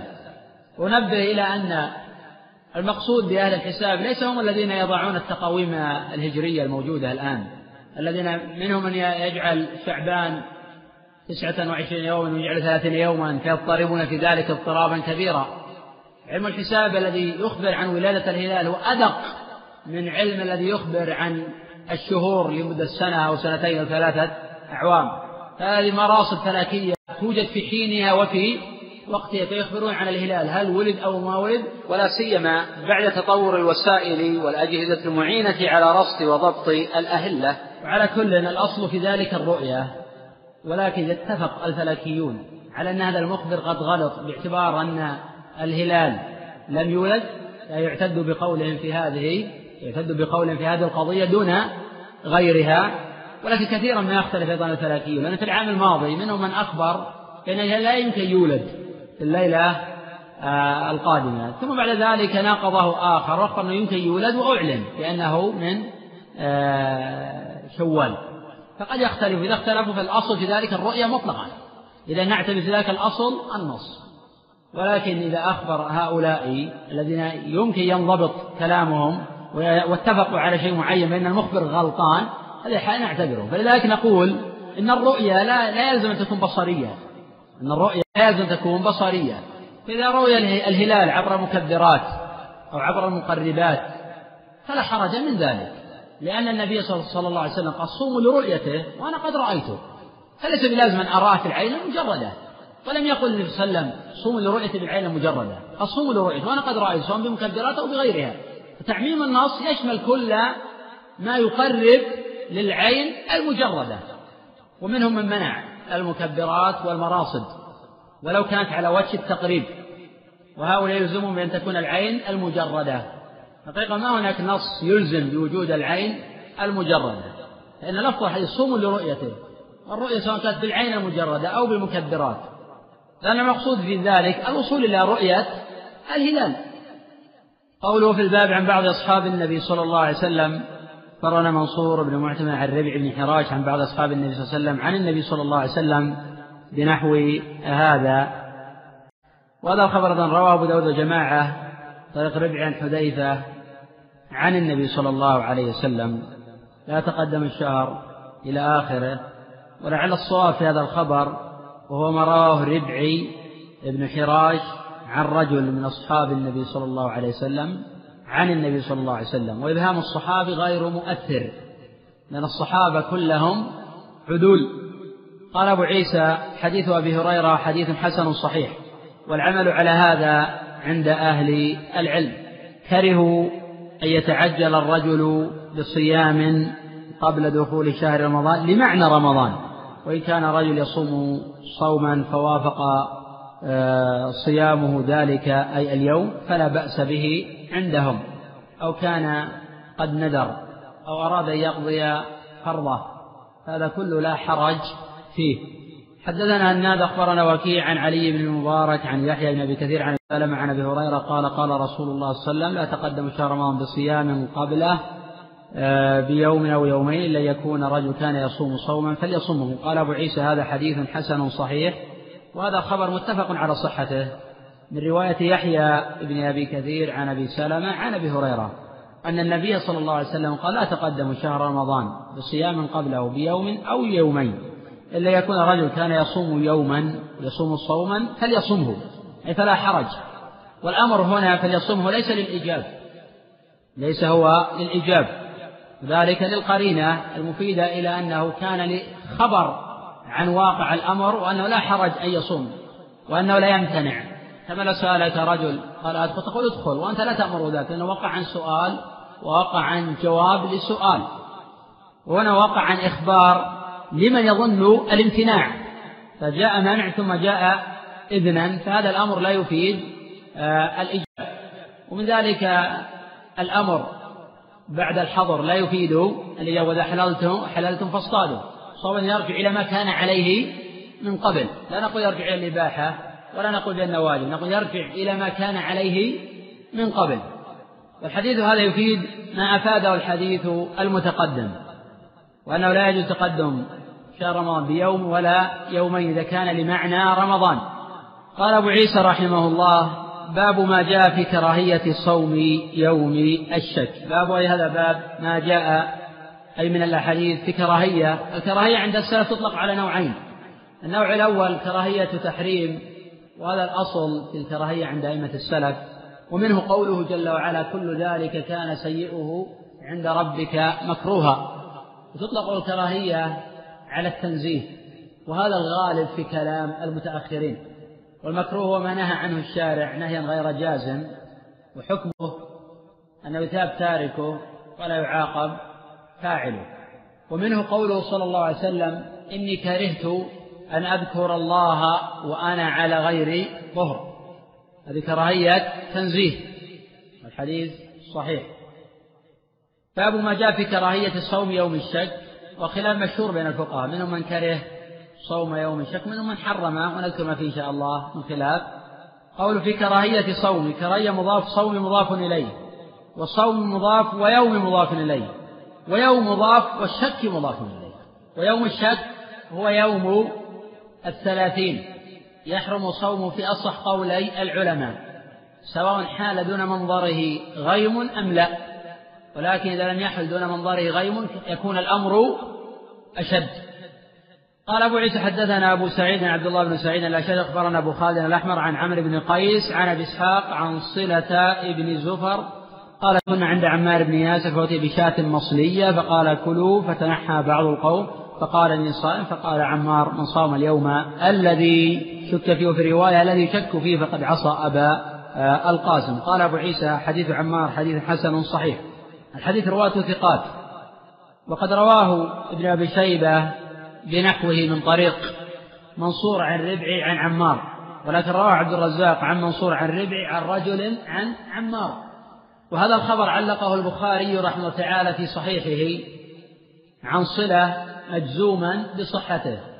وفي خلاف سماع ابي اسحاق هذا الخبر من صلة ولكن البخاري حين علق إلى صلة وحذف من قبله هذا يفيد أنه يرى صحة الخبر إلى صلة. وهذا الذي جزم به غير واحد. وأن أبا إسحاق سمع هذا الخبر من صلة. وأن هذا هو الذي رواه غير واحد من الحفاظ. فلا أطيل بهذا فالخبر آه، صحيح. قول كنا عند عمار بن ياسر والصحابي المشهور قتل مع علي رضي الله عنه بصفين سنة سبع وثلاثين وقوله أتي بشاة مصلية أي مشوية فقال كلوا في إكرام الضيف وفي الإذن لهم بالأكل. قال غير واحد بأن هذا ليس بلازم لأن تقديم الطعام مؤذن بجواز الأكل ولكن هذا من الآداب ولا حرج منه ولا حرج أن يتوقف عن الأكل حتى يؤذن. لا ولا سيما هذه عادة لكثير من القبائل والناس ولا سيما لم يرد نص صريح في المسألة. إنما فهم من بعض الأدلة أن تقديم الأكل يفيد آه، الإذن بالأكل كما في قصة إبراهيم مع ضيوفه ما لم تاكل وقيل إن هذه كانت عادة لهم وليس هذا كالحكم الشرعي الملزم في هذه المسألة. إذا كان عادات القوم أنهم لا يأكلون حتى يأذن لهم رب المنزل فحرج آه، من ذلك. قال فتنحى بعض القوم لأن هذا اليوم كان يوم شك. وتنحى بعض القوم لأنه كان صائما. والنبي صلى الله عليه وسلم يقول إذا دعي أحدكم فليجب فإن كان مفطرا فليطعم وإن كان صائما فليصلي أي فليدعو لأن الصلاة في اللغة تطلق على الدعاء كقول الله جل وعلا وصل عليهم إن صلاتك سكن لهم وكما قال الشاعر لا حارس لا يبرح الدهر بيتها وإن ذبح صلى عليها وزمزم صلى عليها أي دعا لها وزمزم هنا أي بمعنى صوت. ولذلك سمي ماء زمزم قيل من التصويت نبع أو صوتها النبع. وقيل غير ذلك تسمية آه، ماء زمزم بهذا الاسم. قال الرجل حين تنحى إني صائم. فقال عمار من صام اليوم الذي شك فيه؟ وفي رواية الذي يشك فيه. فقد عصى أبا القاسم أي صلى الله عليه وسلم. أخذ من هذا الحديث غير واحد من العلماء بتحريم صوم يوم الشك. وقد اختلف العلماء رحمه الله تعالى في حكم صوم يوم الشك. منهم من قال بأنه محرم وهذا القول الأول في المسألة. ومنهم من قال على قول أبي عيسى والعمل على هذا عند أكثر العلم أصحاب النبي صلى الله عليه وسلم بعده من التابعين وبه يقول سفيان الثوري ومالك بن أنس وعبد الله بن مبارك والشافعي وأحمد وإسحاق كرهوا. أن يصوم الرجل يوم الذي يشك في بأن هذه الكراهية كراهية تحريم ولكن نقل عن هؤلاء من كره كراهية تنزيه. ولكن المحكي عن الجمهور بأنهم يحرمون صوم يوم الشك. ولكن أيضا نقل عن أبي حنيفة بأنه قال لا يجوز صومه أي صوم يوم الشك عن فرض رمضان ويجوز عما سوى ذلك. وأما الإمام أحمد رحمه الله تعالى فاختلف القول عنه في هذا. وذلك بأنه قال إذا حال دون مطلع الهلال غم أو غيره ليلة الثلاثين من شعبان فإنه يجب صومه على أنه من رمضان. وهذا الذي نصر كثير من متأخري أصحاب الإمام أحمد. ومنهم من ينكر أن تكون هذه رواية عن أحمد وأنه قول الأصحاب وليست هي رواية. ولكن هذا محكي عن الإمام أحمد رحمه الله. والرواية الثانية عن أحمد أنه لا يجوز صوم آه، يوم الشك. سواء حال دون منظره غيم أم لا. أي هذا موافق لقول الجمهور. ومنهم من كره ذلك ومنهم من فصل فقال إذا حال دون منظره غيم فإنه يصام. وهذا الذي كان يصنعه عبد الله بن عمر. إذا لم يحل دون منظره غيم ولا غيره وكانت السماء صحوا فإنه يجب الفطر. ظاهر أثر عمار أنه يحرم صوم يوم الشك لأن هذا هو الذي يصدق عليه بأنه عصيان والعصيان لا يطلق إلا على المحرم. على ترك واجب أو على فعل حرام. لكن اعترض على هذا آخرون قالوا أن هذا من قول عمار وليس من قول النبي صلى الله عليه وسلم. ولكن قال ابن عبد البر هو مسند عندهم لا يختلفون في ذلك. صوب أن هناك خلافا في من قال بأنه موقوف ولكن الذي يقول بأنه موقوف يحتمل أنه موقوف لفظا مرفوع حكما. وقد قال العراقي في ألفيته وما أتى عن صاحب بحيث لا يقال رأيا حكمه الرفع على ما قال في المحصول نحو من أتى فالحاكم الرفع لهذا أثبته إذن هذا الخبر له حكم المرفوع. فإنه وإن كان موقوف اللفظ هو مرفوع حكما فإن قيل أيضا لماذا قال عمار فقد عصى أبا القاسم؟ ما قال فقد عصى رسول الله صلى الله عليه وسلم. وأبو القاسم هي كنية رسول الله صلى الله عليه وسلم. قيل إن هذا التخصيص إشارة إلى أن رسول الله صلى الله عليه وسلم هو الذي يقسم الله به بين عباده. الأحكام سواء كان في الزمان أو في المكان. وقيل أن الكلمة كانت عفوية لم تكن مقصودة لهذا المعنى. هذا مجرد تعليل لم يرد به نص أو لم ترد قرينة تفيد هذا المعنى. وهذا لا يهم. الذي يهمنا الآن أنه لا يجوز صوم يوم الشك سواء حال دون منظر غيم أم لا. ويتأيد هذا بالحديث السابق فعدوا ثلاثين. ولقول صلى الله عليه وسلم غم عليك فأكملوا عدة شعبان ثلاثين يوما. جاء هذا في حديث ابن عمر وجاء هذا في حديث أبي هريرة وفي حديث جماعة من الصحابة رضي الله عنهم. هذا يفيد أنه يمتنع صيام يوم الشك. والحديث صريح بأنه حتى ولو كان في غيب فإن غم عليكم فعدوا ثلاثين يوما. قال أبو عيسى في شرحه قال ورأى أكثرهم تقدم القول الأول إن صام وكان من شهر رمضان أن يقضي يوما مكانه أي ورأى أكثر العلماء بأنه إن صام يوم الشك على اعتبار أنه يحتمل يكون من رمضان. فتبين فيما بعد أنه من شهر رمضان أنه يقضي يوما مكانه ولا يجزئه عن صيام يوم رمضان سواء كان حال دون منظر غيم أم لا. ومنهم من قال إذا حال دون منظره غيم فصام على أنه من رمضان أجزع عن رمضان وإذا لم يحل دون منظره غيم فصام لا يجزئه وقد يقال بأنه لا يجزئه مطلقا لأنه عاص للرسول صلى الله عليه وسلم في صيامه. ولأن النية تتبع العلم. ولأن النية تتبع العلم. وهذا لا يعلم أنه من رمضان. وهذا ينعكس على ما إذا لم يأتي خبر بأنه من رمضان. فحين أصبح قيل بأنه من رمضان. الأئمة طبعا يقولون يمسكون والجمهور يفتون بوجوب القضاء لكن شيخ الإسلام تيمية لا يرى القضاء لأن النية تتبع العلم ولا يجب عليه القضاء. وهذا إن شاء الله نتحدث عنها أيضا في بابها بأدلته بأوسع من هذا. إنما إشارة إلى قول المؤلف رحمه الله تعالى ورأى أكثرهم من صام وكان في رمضان أن يقضي يوما مكانه. ونقف على قول المؤلف باب ما جاء في إحصاء إحصاء هلال شعبان لرمضان. ونزيد المسألة أيضا حديثا للمؤلف رحمه الله تعالى. أشار إلى بعض الأحاديث آه، المتقدمة بتبويب آخر وهي بمعنى الأحاديث آه، المتقدمة. وتحدث عنها إن شاء الله تعالى. آه، هذه طبعا الأخوة يشاركون في الأسئلة ولكن هذه الأسئلة جاءت عبر البريد الإلكتروني لأن الأخوة ينقلون الدرس عبر الإنترنت. هذا السائل من الكويت يسأل عن صحة حديث أول رحمة وسط مغفرة وآخر عتق من النار وهذا خبر منكر ويكثر ذكره على ألسنة الخطباء حين يأتي رمضان ولا يصح الاستدلال به وفي الصحيح غنى عن الحديث آه الضعيف. الأخ يقول آه نحبك في الله أحبك الله لا أحبتني فيه.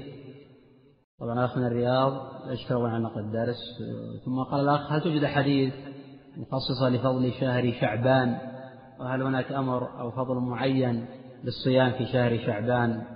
تفضيل شهر شعبان لم يرد به نص لأن شهر شعبان أفضل من غيره كالأشهر الحرم. ولكن ورد تخصيص شهر شعبان بالصيام وأن النبي صلى الله عليه وسلم كان يصوم شعبان كله إلا قليلا في الصحيح. قد كان النبي صلى الله عليه وسلم يخص شعبان بمزيد من الصيام. فقد يقال بأن هذا لفضل شعبان. ولو يكن لشعبان فضل ما صامه النبي صلى الله عليه وسلم. وقد يقال إنه لا يدل على فضل شعبان بقدر ما هو يدل على فضل رمضان كالاستعداد لرمضان وأنه يصوم ليس لمعنى رمضان ولكنه آه، كالتوطئة والصيام وإعلام الناس بقدوم رمضان وغير ذلك من المعاني آه، الأخرى. فالذي يهمنا الآن امران الأمر الأول أنه لم يثبت نص فيما أحفظ عن رسول الله صلى الله عليه وسلم بأنه آه، فضل شعبان على غيره من الشهور الأمر الآخر أن النبي صلى الله عليه وسلم كان يصوم شعبان كله إلا قليلا وأنه يخص بمزيد من آه، الصيام. نعم. هو حديث محمد بن عمر. أنا أشرت إلى أنه لا يقبل إذا تفرد. وقول فعدوا ثلاثين ثم أفطروا قول فإن غم عليكم. فعدوا ثلاثين ثم أفطروا. هذه اللفظة شاذة هذه اللفظة شاذة لأن المحفوظ آه، في حديث أبي هريرة في حديث ابن عمر فأكملوا عدة شعبان ثلاثين. وواضح من محمد بن عمرو بأنه تفرد غم عليكم فعدوا ثلاثين ثم أفطروا بأنه يقصد رمضان. لأنه يقصد آه، رمضان. وهذه الرواية شاذة. وهذه الرواية شاذة. ولذلك أنا في الشرح لما علقت علقت على حديث أبي هريرة وحديث ابن عمر بالكلام على شعبان. لأن هذه الرواية شاذة. والشاذ آه، منكر طبعا أو ضعيف جدا. عموما لا يعتبر في هذه اللفظة وهذا من تفردات محمد بن عمر التي لا نقبلها. التي لا نقبلها لأنه مخالف للروايات الأخرى في الأحاديث آه، الصحيحة. أعود إلى آه، الأخت تقول حضرت عندي خادمة منذ يومين وهي لا تصلي ولا تعرف كيف تصلي. متى يجب عليها الصلاة حتى تتعلم الفاتحة ولو استغرق الأمر وقتا بسبب أميتها أم يجب عليها الصلاة على الفور؟ يجب عليها الصلاة على الفور على قدر طاقتها ولا يلزم آه، ألا تصلي حتى تتعلم الفاتحة. إذا عجزت عن تعلم الفاتحة لا تقرأ لو آية من القرآن. لو تقرأ الحمد لله رب العالمين. تكررها في كل صلاة إلا أجزى هذا. وجاء في حديث وفي كلام الذي لا يحسن آه، قراءة الفاتحة. سبحان الله والحمد لله ولا إله إلا الله والله أكبر. يجزي هذا عن آه، القراءة. ولكن يحسن آية أو آيتين فليكرر هذه الآية أو الآيتين. وتعلم الأشياء التي تستطيع أن تعرفها. سبحان ربي العظيم أو أي تسبيح في الركوع. ولو عممت كان التسبيح في الركوع في السجود لا مانع من ذلك. أو دعت في الركوع في السجود لا مانع من آه، ذلك. لأن الرسالة كان يقول في الركوع سبحانك اللهم ربنا الحمد اللهم اغفر لي وهذا خبر متفق عليه. وبوب عليه البخاري باب الدعاء في آه، الركوع. وعلى كل هذه المرأة تؤمر بالصلاة سواء أحسنت الفاتحة أو لم تحسن الفاتحة. سواء أحسنت بعض آيات القرآن أو لم تحسن بعض آيات القرآن سواء قدرت على قول سبحان الله أو لم تقدر لو تومئ إيماء فتقوم وتركع وتسجد. وتصلي آه، خلف أحد بدون أي ذكر هذا واجب عليها لقول الله جل وعلا فاتقوا الله ما استطعتم ولكن ما لا يتم الواجب إلا به فهو واجب. ما لا يتم أداء المطلوب حق رب العالمين كذا الصلاة إلا بتعلم الفاتحة وتعلم أحكام الصلاة. إذا العلم في هذه الحالة يكون على هذه المرأة واجبا. ودور هذه الأخت السائلة أن تعلمها وأن تفقهها. ولا مانع أن تجعلها في هذه الفترة تصلي خلفها. حتى تتعلم أحكام الصلاة ولا مانع من كون هذه الأخت تجهر بالقراءة. لتتعلم هذه المرأة التي لا تحسن شيئا من الصلاة كيفية الصلاة فإن الجهر للحاجة يجوز. كما كان أمير بن عمر رضي الله عنه يجهر بالاستفتاح ليعلم آه، الصحابة. ولا رواه مسلم في صحيحه وفيه علة الانقطاع ووصل الدرقطني وجماعة وهو حديث آه، صحيح. هو الصحيح آه، تحريم صوم الشك مطلقا. الرواية عن الإمام أحمد رحمه الله تعالى الرواية عن الإمام أحمد تعالى قول الأصحاب بالذات المتأخرين منهم يقولون بأنه إذا حال دون منظره غيب فإنه يصوم. منهم من قال بأنه واجب ومنهم من قال بأنه مستحب. والقول الثالث منهم من قال بأنه يكره وقول الرابع بأنه يحرم مطلقا. ولكن المشهور عند المتأخرين بأنه يجب صوم يوم الشك إذا حال دون منظره غيم هذا قول كثير من أصحاب الإمام ومنهم من أنكر الوجوب وقال بأنه آه، يستحب على وجه آه، الاحتياط. الأخ من إسرائيل يقول نود من فضيلة نصيحة للمسلمين المقيمين في الغرب بخصوص بخصوص ثبوت شهر رمضان لأنه في كل سنة يحصل خلاف عظيم.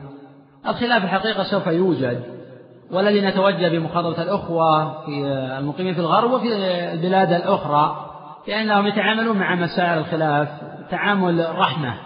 لأن الله قدم الرحمة على العلم وقال وآتيناه رحمة من عندنا وعلمناه من لدنا علما. وأنا قلت فيما سبق كان أئمة السلف يقولون فيما يريدون مسائل الاجتهاد كلامنا الصواب يحتمل الخطأ وكلام غيرنا خطأ يحتمل آه، الصواب. لأن بعض الناس يقول فيما يورد من مسائل الاجتهاد لأن هذا هو الواجب. ويحاول أن يصادر آراء الآخرين ولا يملك لا نصا لا من الكتاب ولا من السنة. يملك مفهوم يملك مفهوم دليل وغيره يملك أكثر من مفهوم لبعض آه، الأدلة. فهذه من مسائل الاجتهاد. فالذي نوصي به الأخوة وغيرهم يعني يبتعدوا عن مسائل النزاع ومسائل أو الأمور المثيرة للخلاف لا مانع أن أختلف أنا وأنت هذا لا حرج منه لأن الأمة قد لا تتفق على الرأي وأنا أشرت إليه أنه يتعذر الآن الحقيقة توحيد الأمة في مثل هذه القضايا ولكن لا يتعذر وواجب علينا يحترم بعضنا بعضا فيما يقولون من مسائل آه، الاجتهاد ولا سيما من المنتسبين لأهل السنة حين يختلفون في بعض المسائل يجب يرحم بعضهم بعضا ويوالي بعضهم بعضا وينصر بعضهم بعضا لأن الله جل وعلا يقول واعتصموا بحبل الله جميعا ولا تفرقوا. فإذا وجد في بلد من بلاد الغرب خلاف بين الأخوة آه، من الأخوة المقيمين هناك منهم من يقول آه، نكون لجنة ونحن نعتبر رؤية هذا أمر جيد لا حرج من ذلك تعتبر الرؤيا الطائفة أخرى يقول لا لا نريد أن نكون لجنة نعتبر الرؤية بأقرب بلد مجاور نقول لا حرج من هذا. طائفة ثالثة يقول نعتبر رؤية أهل مكة كما قاله الإمام أحمد وجماعة في من يتعذر عليها الرؤية يعتبر رؤية أهل مكة. هذه أقاويل لأهل العلم. فأرى أن هؤلاء الأخوة يتفقون على رأي واحد يبحثون الموضوع اتفاق على رأي لكن حين لا يتفقون على رأي واحد أرى أنه يعذر بعضهم بعضا داعي يسب بعضهم بعضا ويشتم بعضهم بعضا أو يعادي بعضهم بعضا. أو أن يصنف بعضهم بعضا هذا كله غلط وليس من الشرع في شيء. لأن المسألة اجتهادية ولا يجوز الهجر ولا التغليظ ولا التبديع ولا التضليل في مسائل الاجتهاد التي ليس فيها نص واضح يمكن نصير إليه. وأنا أشرت فيما سبق أن الأئمة آه، مختلفون في هذه آه، المسألة. فلأني ناصح بها الأخوة هو المحاولة على قدر الطاقة في توحيد آه، الصف. ولا في الظروف الحالية المسلمين. إذا عدل الأخوة عن ذلك وعن توحيد رأي موحد في هذا البلد فلا أقل من كون يعذر بعضهم بعضا ويرحم بعضهم آه، بعضا لأن هذا واجب آه، عليهم. الأخ يقول السؤال طبعا مجيك يقول ما الحكم آه، للنساء باستعمال الحبوب خاصة في رمضان للصيام كاملا؟ الحبوب في الحقيقة الحكم الشرعي مربوط بوجود المضرة. فإذا قرر الطبيب أن المرأة تتضرر بأكل الحبوب فنقول يمتنع على المرأة أكل الحبوب سواء كان لمعنى رمضان أو كان لمعنى آه، منع الحمل أو منع الحيض. إذا قرر الطبيب أو الطبيبة بأن هذه الحبوب مضرة لهذه المرأة فنقول أن الشرع يقول لا ضرر ولا ضرار فنمنع هذه المرأة من أكل آه، الحبوب. وإذا قرر الطبيب بأن هذه الحبوب غير مضرة قد تكون مضرة لامرأة لأسباب ولا تكون مضرة للمرأة الأخرى. فإذا قرر أن هذه الحبوب لهذه المرأة غير مضرة الصواب أنه يجوز للمرأة أن تأكل الحبوب. ولا هناك نص يمنع من كون المرأة تأكل آه، الحبوب. لأن الحكم مربوط بوجود الضرر أم لا. إذا وجد الضرر فثم الحكم المنع. وإذا لم يوجد الضرر فثم الحكم الجواز. ولكن هل الجواز هل يعني أنه أفضل؟ لا. أنا قلنا الأفضل للمرأة ألا تأكل الحبوب. لأن هذا أمر كتبه الله على بنات آدم. وموانع آه، الحيض كانت موجودة حتى في عصر الصحابة وفي عصر الأئمة. وما كانت النساء تتعاطى مانعا نعم قد لا تكون بالصورة الموجودة الآن قد تكون الموانع في عصر تكون مضرة أكثر هذا ممكن. ولكن أقول أن الأفضل المرأة لا تأكل حبوبا لكن لو أكلت لا أقول لا أنه يحرم ولا أنه يكره. ولكن هذا أمر كتب الله على بنات آه، آدم. الأخ يقول ما حكم تعجيل السحور؟ وهل يكفي أن نتجرع شربة ماء قبل الأذان فتكون سحورا آه، النبي صلى الله عليه وسلم شرع بتأخير السحور ولم يشرع تعجيل السحور وإنما أمر بالمبادرة بالفطور. والنبي صلى الله عليه وسلم قد تسحروا وهذا أمر فإن في السحور بركة والخبر متفق على آه، صحته. فالإنسان إذا ما كان يعني له حاجة بالطعام من الأكل فلا أقل من كونه يشرب شربة لبن. لأنه نوع من أنواع آه، الطعام. إذا ما يريد أيضا اللبن فلا حرج أن يشرب شربة ماء كما قال آه، الأخ انظر أسئلة الحاضرين. نعم. وصام على أنه يوم الشك لا يقضي يوم مكانه وصام على أنه يوم الشك وقلنا بقول الجمهور بأن النية في هذا الموطن قد لا تدفع العلم من كل وجه فبالتالي يقضي يوما. وهذا قول الجمهور سواء صام أو ما صام. أما على رأي ابن تيمية فإن النية تتبع العلم. فإنه لا يقضي ولو لم يصوم وهذا رأي شيخ الإسلام تيمية. بمعنى آه، أن الإنسان الناس يتحرون فنام ولا يدري ماذا صار عليهم ولم ينوي شيئا ثم أصبح مفطرا. فيمسك بقية يومه ولا يقضي على رأي ابن تيمية. ولكن الذي أراه أحوط للإخوة الذين يتحرون رؤية الهلال ثم صار الإنسان شغل أو في بر لا يدري. فأرى أنه يقول ينوي أنه بقلبه طبعا النية محلها القلب تلفظ النية بدعة. ينوي بقلبه أنه إن كان غدا من رمضان فإنه صائم. حين النية تكون تابعة للعلم. الذي إن كان من رمضان. فإذا كان من رمضان لا يقضي يوما. على قول آه، الجمهور. ليس بمعنى أنه يصوم يوم الشك لا. بمعنى أنه يصوم إن كان من رمضان. الله أعلم. نكتفي بهذا. صلى الله وسلم على نبينا محمد.